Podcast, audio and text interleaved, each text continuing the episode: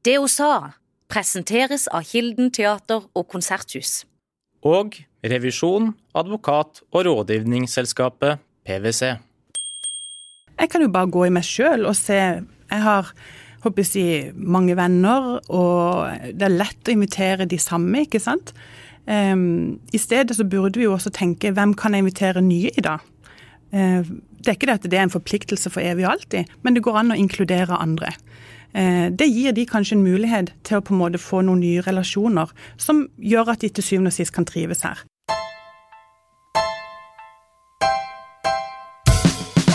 Ny tirsdag, ny episode av Det hun sa. I dag er det meg, Monica Birkeland, og min kollega Silje Dagsvik Eskedal som har fått lov å være i studio. Det er jo første gang eh, vi to er i studio, Silje, uten at den faste programlederen Birgitte Klekken er til stede. Så det blir jo spennende. Ja, det blir spennende. Og så er vi jo ikke alene. I studio her så har vi med oss Birte Helland. Velkommen til det hun sa. Tusen hjertelig. Takk for invitasjonen. Vi har eh, invitert deg hit fordi du jobber med et tema som er viktig og aktuelt. Du leder en kommunal tjeneste som heter Relocation Agder. Og dere hjelper nyansatte i bedrifter på Sørlandet som flytter hit fra utlandet. Det handler om å ta imot og hjelpe med flytteprosessen og legge til rette for den ansatte og deres familier. Men du er ikke så fornøyd med åssen vi her i landsdelen tar imot tilflytterne med familie og hvorfor ikke? Det stemmer. For det første så må jeg bare si at jeg tror jeg har Kristiansands aller beste jobb. Det er en veldig takknemlig jobb å hjelpe disse internasjonale nyansatte i bedriftene i Agder.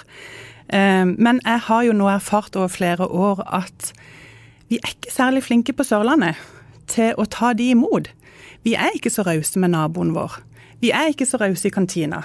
Um, mange av disse har ikke lært seg godt nok norsk ennå og må snakke engelsk. Um, vi vegrer oss litt, selv om vi nordmenn er veldig flinke til å snakke engelsk.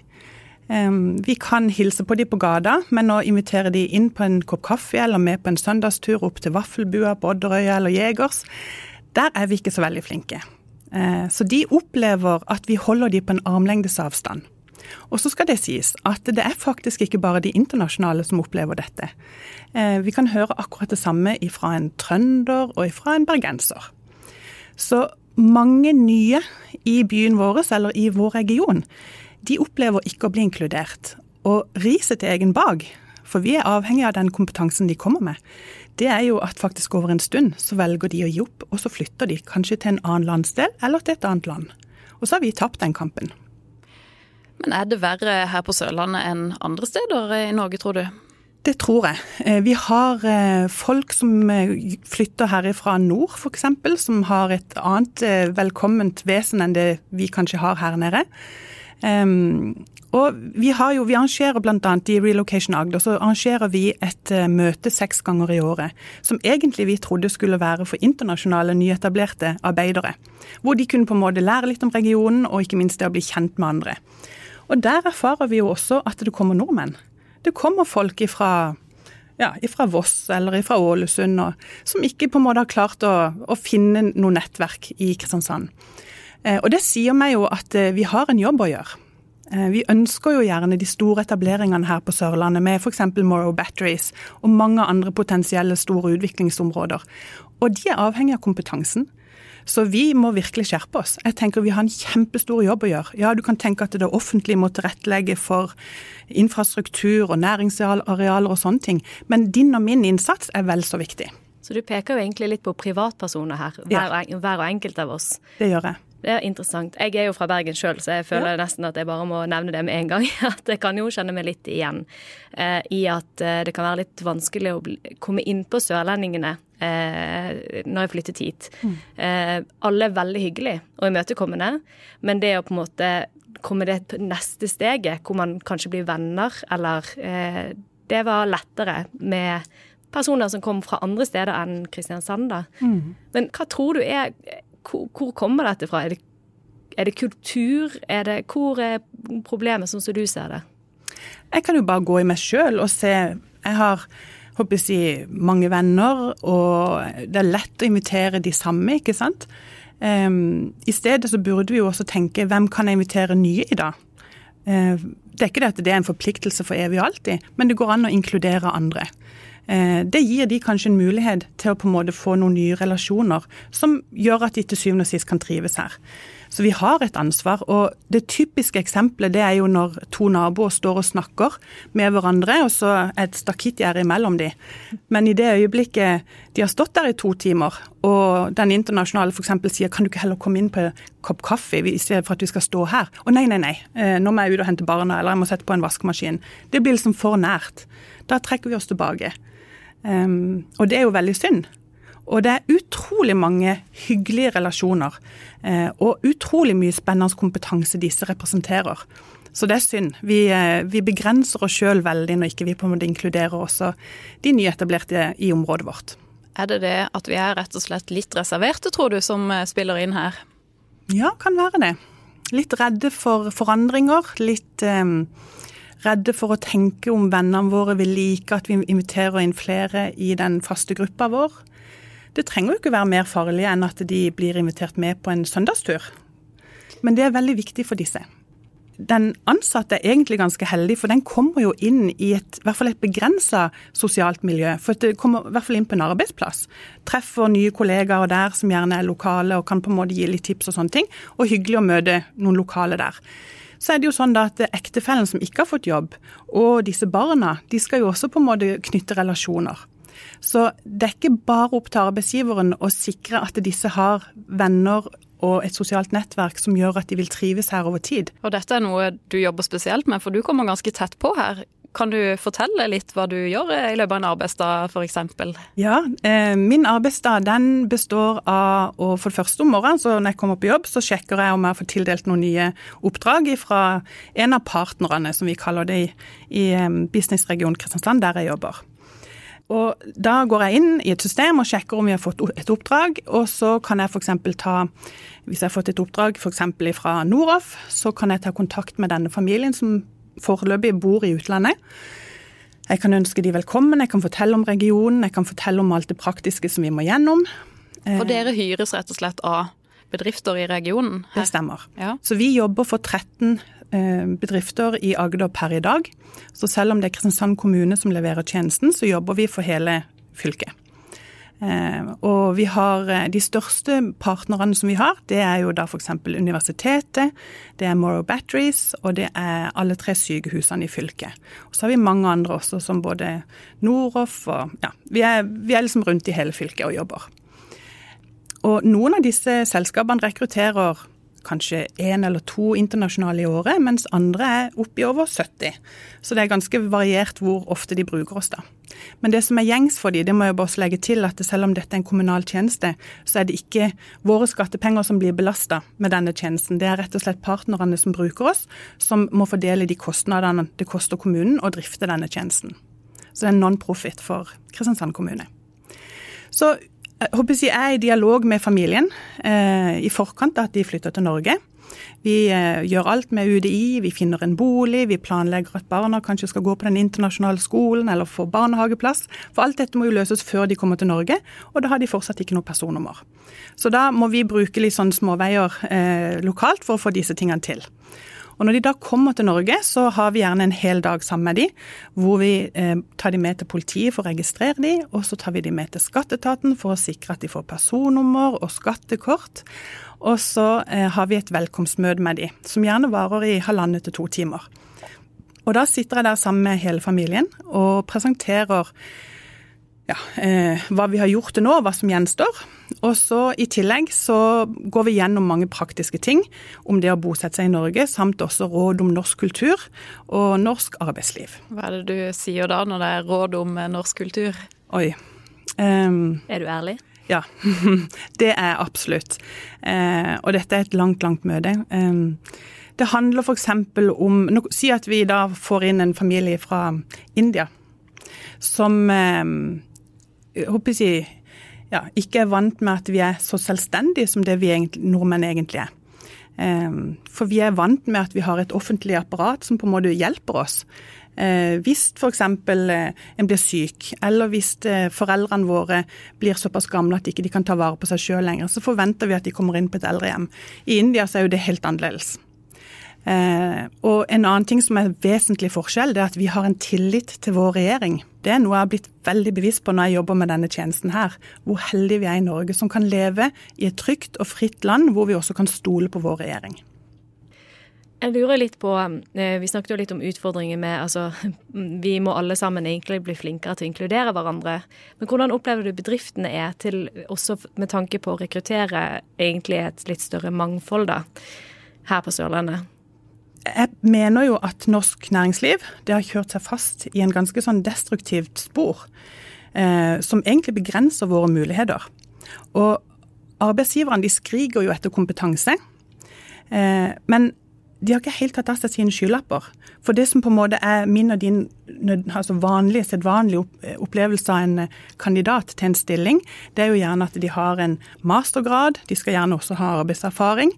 Eh, de skal være mellom 30 og 50 år. De skal i hvert fall ikke ha noe hull i CV-en, og de skal ha et norskklingende navn i passet. Og I tillegg her på Sørlandet så er vi jo også veldig glad i hvis de har relasjoner her på Sørlandet som vi kan vise til. Jeg tenker jo at eh, hvis vi skal ha et mer mangfoldig arbeidsliv i framtida, så tror jeg at de som vil bli de vinnende arbeidsgiverne, vil være de som klarer også å være rausere. Både se på de som kanskje ikke snakker perfekt norsk, eh, de som kanskje bare snakker engelsk enda, de som har hull i CV-en sin, de som ikke har en eh, grad fra universitetet. Så vi har en vei å gå med å på en måte ikke se på den sedvanlige kandidaten, men vi må åpne opp mer og inkludere langt, langt flere. Og der ser jo jeg også at disse internasjonale ektefellene, som gjerne har en vanvittig kompetanse um, og erfaring fra utlandet, som er gull verd for bedriftene her på Sørlandet, de kommer ikke til intervju. Hva kan eh, en bedrift gjøre for eh, altså, klare å komme seg bort ifra eh, kun ha i strategien at vi skal, eh, nå skal vi, vi, skal bli mer mangfoldig. Altså, det er jo snakket mye om når bedrifter har dette fremme på bordet mer enn før, tør jeg å påstå. Hva kan man gjøre for å faktisk eh, rekruttere mer mangfold, da? Mm. Jeg tror rett og slett at det må være en beslutning som ikke bare ledelsen tar, men som ledelsen sammen med hver eneste ansatt i hele selskapet beslutter. Fordi at det, Greit nok ledelsen kan ansette en internasjonal en, men det handler også om at den vedkommende skal trives i selskapet. Så jeg tror rett og slett dette må handle om en åpen strategi, hvor en beslutter at her skal vi være mer inkluderende. Og Nå snakker jeg mye om de internasjonale, men det gjelder også nordmenn. Um, som har kanskje hull i CV-en, eller som kom litt seint i gang, og mange andre årsaker, så må vi være litt mer inkluderende. Og det tenker jeg at eh, mange selskaper bør ta en beslutning om å gjøre. Er det noen eksempler på noen arbeidsgivere som eh, har lykkes bra med, med dette, syns du? Eh, universitetet i Agder er jo spesielt flinke på dette med å rekruttere internasjonalt. De har jo 20% internasjonalt ansatte. Og i både Grimstad og i Kristiansand så har de veldig mange eh, som jobber til daglig der. De har jo på en måte tilrettelagt for både norskkurs, de har forskjellige arrangementer, både at de går ja, turer, eh, de har eh, treffpunkter. De er ganske flinke på det med å rekruttere og bevare internasjonale. Eh, og så er det også Noroff. De har blitt eh, ganske mange internasjonale der også, og har diverse tiltak. Men, men, blant de du har hatt kontakt med, vet du hvor mange som eh, faktisk blir boende her på Sørlandet? Nei, Det finnes ikke noe sånn statistikk på det. Jeg skulle gjerne kunne sagt at så og så mange velger å bli, og så og så mange velger å reise. Men i Relocation Agder så har vi nå i underkant av tre år bistått 260 familier. Og jeg vet om mange som har reist utenlands igjen fordi at de gjerne ikke har fått hele familien til å trives. Men har du noe kontakt med noen av de som faktisk blir her fortsatt? Å oh ja, absolutt. Ja. Mm. Det, kan du se noe sånn likhetstrekk eh, mellom de som faktisk finner seg til rette da, og trives? Mm. Hva er det som skal til på en måte for at de blir? Jeg ser jo at ekstroverte, som på en måte ikke gir seg, men som er ganske utholdende i det å skape et nettverk her, de klarer seg relativt bra. Men da koster de ganske mye. De må være ganske pågående for å bli inkludert i vennemiljøer. Eh, ja, i idrett eller frivillig arbeid. Altså alle disse tingene her, det må de være ganske pågående for faktisk å få anledning til. Vi, vi har eh, litt sånn snakket litt sammen i forkant, hatt litt dialog. Og så nevnte du har nevnt annet dette med eh, norsk. At eh, eh trenger man egentlig å kunne norsk egentlig i alle eh, stillinger. Og etter det så gikk jeg litt inn og så på Finn, og så er det jo nesten litt sånn autopilot, virker det som. Når man lyser ut stillinger, så står det sånn eh, behersker godt norsk, skriftlig og muntlig. Ja. Er det overdrevet ofte at det skrives? i stillingsutlysninger, eller er det en litt sånn realitet at det trengs i, i mange jobber da, for å kunne beherske jobben? Jeg tenker at det her er det ikke alle disse stillingene som faktisk trenger flytende norsk eh, for å kunne ivareta den oppgaven. Så der handler det nok litt om sedvanlighet. Det handler litt om hva eh, bedriftene i utgangspunktet ser for seg. Eh, de har ikke liksom tenkt noe mer over at de bør endre den oppfatninga. Men eh, jeg tror hvis de hadde valgt å gå vekk ifra nødvendigvis å skrive det i enhver stilling, så tror jeg de hadde opplevd en tilgang på en helt ny kompetanse, litt nye måter å tenke på, friske nye øyne som har erfaring fra andre store og mindre selskaper i utlandet. Så jeg tror med stor fordel at det bør tilrettelegges. Du, jeg tenkte på, eh, Hvor lenge har du vært i den jobben du har nå? Snart fire år. Ja, mm. Og gjennom, gjennom, arbeidet du gjør nå, har det fått deg til å se annerledes på noen ting eh, ja, sånn personlig? For det første så har jeg blitt litt skremt over hvor lite inkluderende vi nordmenn er. Det må jeg si. Og så er det jo, som jeg nevnte litt tidligere, at eh, vi, har, vi, bor i et utrolig godt land. Mange av de som kommer til Norge, de har også valgt en arbeidsgiver i Norge fordi at de vet at vi har et fredelig land. Det er nydelig natur her, det er trygt å bo her, og vi har også en veldig fin balanse mellom arbeidsliv og fritid. Og det er ting som ikke nødvendigvis jeg har tenkt så veldig mye over i forkant, men som på en måte jeg ser at det er høyt verdsatt fra disse som kommer, selv fra landene som er ganske nærme oss. Men du har jobbet der i fire år. Hvordan kom du inn i, i den jobben? Du har jo da tidligere jobbet i Federlandsvennen, og så har du jobbet i Aviator. Blant annet helt sånn ulike bransjer. Hvordan havnet du der du er i dag? Det er ja, en vei som ikke var helt sånn naturlig. Men um, jeg var på Kjevik og jobba der som stasjonssjef for Aviator. Og hadde sett en veldig spennende stilling som ble utlyst i forhold til eh, etablering av businessregion Kristiansand. Den søkte jeg på, men den ble jeg ikke kalt inn til. Jeg har ikke noe universitetsgrad, og det var nok medvirkende til det, tenker jeg. Men ellers så følte jeg at jeg egentlig innfridde ganske mange av kravene. Og så, um, så var det sånn at eh, jeg valgte å si opp min stilling i Aviator. Vi mista en stor, stor kontrakt, og i den forbindelse så måtte vi si opp 40 eh, av de ansatte på selskapet. Og Da valgte jeg å si opp min stilling, og så sto jeg da faktisk uten jobb i et halvt år. Og det var en ganske krevende periode. Jeg var ganske nyskilt. Og i tillegg så sto jeg da uten fast jobb. Det var ganske heftig. Men eh, jeg lærte mye på de seks månedene. Men eh, da var det jo sånn at når du er arbeidsledig, eh, så må, er det jo en heltidsjobb egentlig å finne en ny stilling. Så da eh, var jeg på forskjellige intervjuer som jeg ble kalt inn på. Og i det ene intervjuet der, så, det, så satt eh, i intervjupanelet så satt da næringssjefen Geir Haugum og så tok han kontakt med meg i etterkant og spurte om jeg kunne tenke meg å begynne å jobbe i businessregion Kristiansand. Og der har jeg blitt siden. Og der trives du, virker det som? Ja, jeg tror faktisk jeg har den beste jobben i, i byen. Mm. Hva er det beste med den? Um, Relocation Agder er jo egentlig bare masse takknemlighet. Alle disse bedriftene som er letta over å få en fagkompetanse inn i et ganske vanskelig og krevende regelverk i forhold til UDI bl.a. Og ikke minst også familiene som er i en veldig spent situasjon. De skal forlate det trygge og kjente, gjerne med seg både ektefelle og barn. Så skal de flytte til noe de nesten ikke vet hva er for noe. Og så eh, kan vi bistå de og være med og sikre at det blir en trygg prosess. Det er en stor glede. Eh, og den takknemligheten som eh, disse familiene viser, den er verd hele jobben og vel så det. Og du har gjort andre ting også. Du har bl.a. jobba i Fedrelandsvennen, du har vært innom forsikringsbransjen, og du er medeier i bemanningsbyrå. Det stemmer. Er det noen ting som har gjort spesielt inntrykk på deg i din uh, karriere? Ja, det er mange ting. Eh, jeg må jo si Noe av det som jeg er mest stolt over, det vil jo være rett og slett eh, min del som medeier i både bemanningsbyrå og Qualified Professionals. For der har jeg vært med helt fra starten, på planleggingsstadiet, og fram til etableringa og helt fram til i dag. Og det ble etablert i 2005. Og eh, det er jo ganske Begynner å bli en liten stund siden. Dette er et helfødt fir, kristiansandsk firma Um, og som nå er blitt et ganske stort konsern. Så i dag så har vi kontorer både i Bergen og Stavanger, Kristiansand og Skien og Oslo. Og har gode markedsandeler der vi er.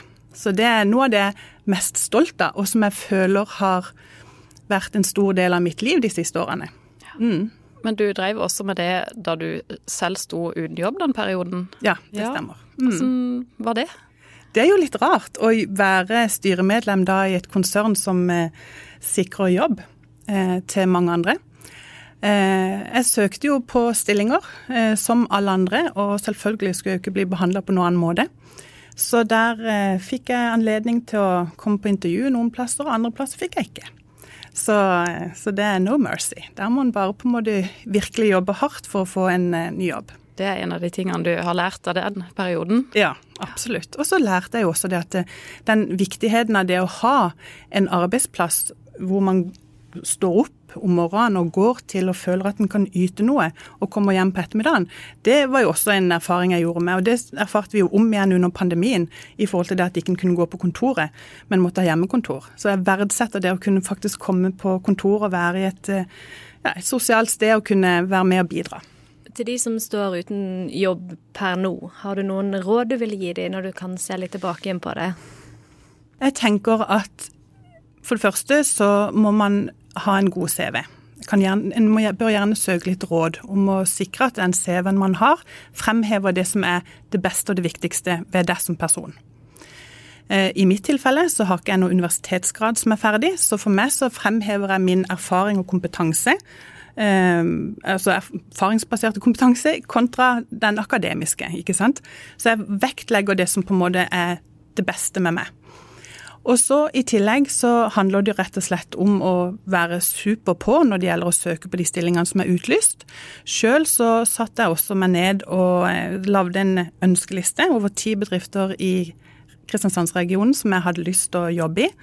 Jeg lagde en fin presentasjon med CV og en åpen søknad. La det pent i en mappe og banka rett og slett dører. Det gjorde også at jeg faktisk var aktuell i noen saker som ikke var utlyst ennå, for de hadde ikke kommet så langt. Så en må være veldig på. Bruke nettverket sitt. Og kjenner du da noen som jobber i forskjellige selskaper, og kan høre om de vet om at det skal utlyses noe, eller ja. Ehm, det nytter ikke å lene seg tilbake og vente på at det faktisk skjer av seg sjøl. Der må man virkelig være proaktiv. Gode tips. Og da ikke bare vente på at de faktisk er lyst ut, men, men gå aktivt inn til bedriftene og si hei. Mm. Her er jeg. Absolutt. Mm. Og så går det an å delta på masse aktiviteter i byen eh, som arrangeres av næringslivet, og som er åpen for alle. For å være et sted hvor man får vist seg litt fram, og kanskje kontakt, få kontakt med enkelte eh, personer som kan bistå. Gjennom eh, ditt jobbliv så langt, hva, hva, er det som har drevet deg, og hva, hva driver deg nå? Hva driver meg? Um, jeg vil jo si at um, um, det, Akkurat den erfaringen jeg har gjort med de siste årene, så må jeg jo si at det med næringsutvikling og tilrettelegging der, det er veldig gøy å være med på. Uh, der kjenner jeg at det, det, det, det, er fryktelig mange spennende ting som skjer, og jeg kjenner at det, eh, det gir meg mye når jeg ser at mitt bidrag kan være med å gjøre en forandring. Det er stor forskjell. Og så har jeg jo vært leder i veldig mange år, halvparten av min 30-årige arbeidskarriere. Og da må jeg jo si det at når en ser at en har fått rydda opp i ting som trengs å ryddes opp i, det elsker jeg. Det er, det er sånn som klør i fingrene jeg ser at ting ikke er på en måte på plass. Om det er en personalsak, eller om det er arbeidskulturen, eller om det er resultatene som ikke er på plass. Det å kunne på en måte gå inn og utføre en endring, det syns jeg er veldig, veldig gøy. Skal vi gå over til noen eh, faste poster? Mm. Da vil jeg gjerne spørre deg først om hvis du skulle hatt en annen jobb, hva skulle det vært? det må nok være min barndoms eh, drøm om å være flyveleder. Det var min sans for å strukturere og organisere ting. Det var på en måte Um, veldig spennende. Så det å planlegge alle innflyvninger og på en måte jobbe litt under stress og press i forhold til det, det var sånn som jeg elska. Og jeg hadde sett for meg disse her gammeldagse bordene som flyvelederne har, hvor de har en trebrikke for hvert fly som er planlagt innkommen til flyplassen, og de flytter de etter hvert som når det er de sin tur til å lande og alt dette. Og dette hadde jeg elska å ha et system på, og tror jeg faktisk kunne vært ganske god sådan. Så du er en veldig strukturert, du er en strukturert person, vil du si? Ja. ja. Jeg liker å strukturere ting og planlegge og organisere og iverksette. Du, eh, vi har jo også en post eh, hvor vi lurer litt på hva er det du nerder på? ja, jeg har en ting som jeg nerder på. Um, men det er en hobby. Går det inn forbi? Det er helt innafor. Ja, ok. Um, til min unnskyldning så må jeg kanskje først si at jeg har vokst opp ved hull 18 på Bjåvann golfklubb på Ålefjær.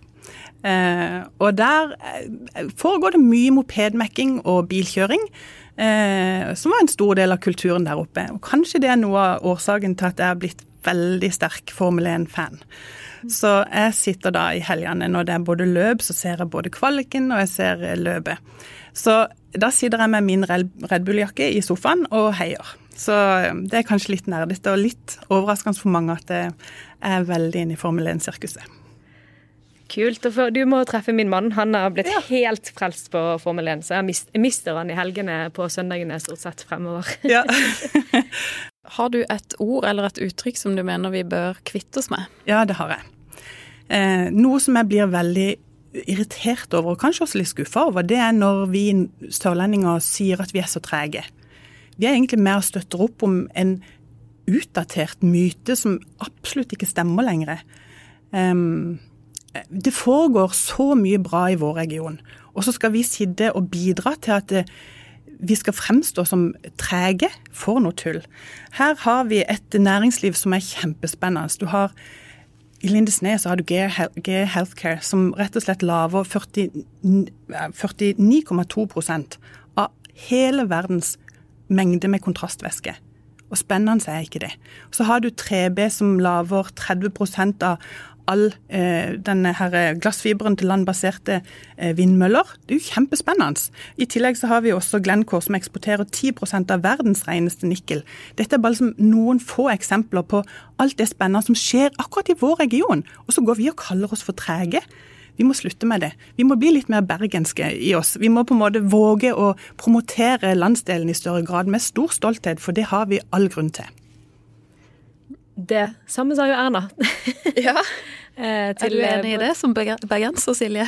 eh, ja, jeg kan være enig i at eh, Ikke at man skal bli mer bergenser nødvendigvis, det høres litt breialt ut for meg å si. Men eh, jeg kan være enig i at kanskje den historiefortellingen kan man eh, sammen eh, bli enige om at det finnes en, også en annen virkelighet, og at den må man fortelle om enda mer, da. Mm. For å nærme oss avslutning, så har vi også en fast post som handler om det å kunne framsnakke en person som har betydd noe for deg, eller din karriere eller ditt arbeidsliv. Hvem er det du har lyst til å trekke frem? Rent privat så vil jeg gjerne trekke fram eh, min oldemor og min mor som veldig sterke kvinner som har på hver sin måte påvirka meg i stor grad. Og i arbeidslivet så vil jeg da trekke fram Anita Didriksson, som eh, var ansatt som salgs- og markedsdirektør i Fedrelandsvennen, og ansatte meg her i sin tid. Um, og når jeg da ble ansatt som leder for kundesenteret her, så så Anita Hun, hun så potensialet som hun mente jeg hadde. Um, og selv om ikke jeg da hadde noe som helst ledererfaring, så valgte hun å, å stole på at jeg kunne utføre den jobben. Det at noen våger å se personer som ikke har fått en sjanse ennå, og løfter de fram, sånn som det Anita gjorde, og har gjort med mange andre også, det er gull verd. Og så vil jeg trekke også fram en tidligere leder jeg hadde, eh, Elin Stamnes, som har lært meg om eh, eh, det å stå for en ting, ikke som om det blir vanskelig eller ikke. Ikke gå med vinden, men faktisk stå i kampen. Det har også vært en eh, fin erfaring for meg. Da hadde jeg nylig vært i en, eh, eh, hatt en leder som ikke nødvendigvis viste eh, den styrken. Og når du da kommer over til en ny leder som viser virkelig den styrken åkke som, så imponerte det meg. Så Elin Stamnes har vist seg fra var en veldig god leder. Tusen takk for fin framsnakk, og så må vi si tusen takk til deg for en veldig fin og spennende prat. Tusen takk for at jeg fikk komme. Du har lytta til Federlandsvennens podkast 'Det hun sa'. Har du tips til andre bra damer vi bør snakke med, eller har du lyst til å dele inspirerende erfaringer fra ditt arbeidsliv? Ta kontakt på dethosa1fn.no.